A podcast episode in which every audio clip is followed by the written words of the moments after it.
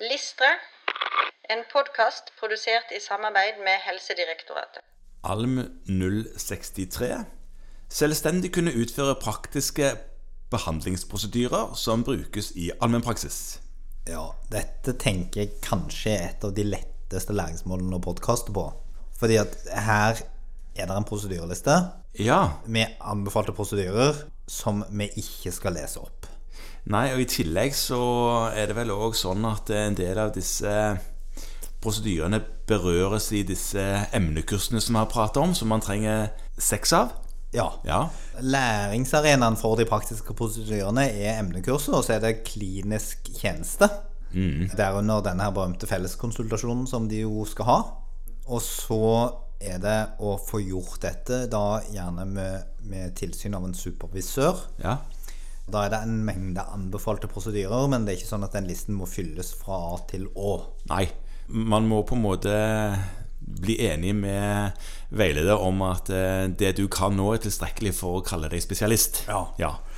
Og den listen må jo den enkelte gå inn og kikke på. Ja, den ja, ligger jo inne i denne flotte kompetanseportalen. Det gjør han. Så, så det jo bare dynamisk begynne å fylle den ut. Og hvis vi skal gi noen sånne små tips til hvordan man skal gjøre dette for å gjøre podkasten litt lengre, eh, så er det å begynne å fylle inn tidlig og fortløpende. Ja, det er lurt. Det er dumt å sitte eh, når du egentlig er ferdig med alt annet og lure på hvordan var det med denne her eh, listen. Ja, Og det andre er jo det at når man ser på den litt tidlig, så kan man få et sånt inntrykk av hvilke prosedyrer hadde det vært lurt å bare få med seg. Ja. Sånn at man kan aktivt, særlig i tidlig fase, da kanskje samsnakke med noen kollegaer på kontoret og sørge for at man får lært seg de ferdighetene. Oppsøke de arenaene hvor dette skjer. Absolutt.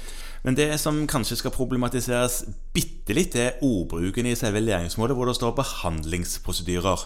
Og det meste av dette her er jo utredningsprosedyrer. Det har jo ikke egentlig så mye med behandling å gjøre. Det, det er veldig mange av de som er utredningsprosedyrer. Ja, så godt som alle. Ja. Ja, Sånn at når det står behandlingsprosedyrer, så er det mest utredningsøyemed. Absolutt. Ja. Så det kan man godt plukke litt på. La oss nå kalle det allmennmedisinske prosedyrer. Ja, men, men la oss er- kalle det det, så, bare sånn at folk ikke blir forvirra av det. Ja. Ja. Så er det på en måte et bedre utgangspunkt for at man skal ha visse sånn tekniske kvalifikasjoner for å kunne kalle seg spesialist i allmennmedisin. Absolutt må man det.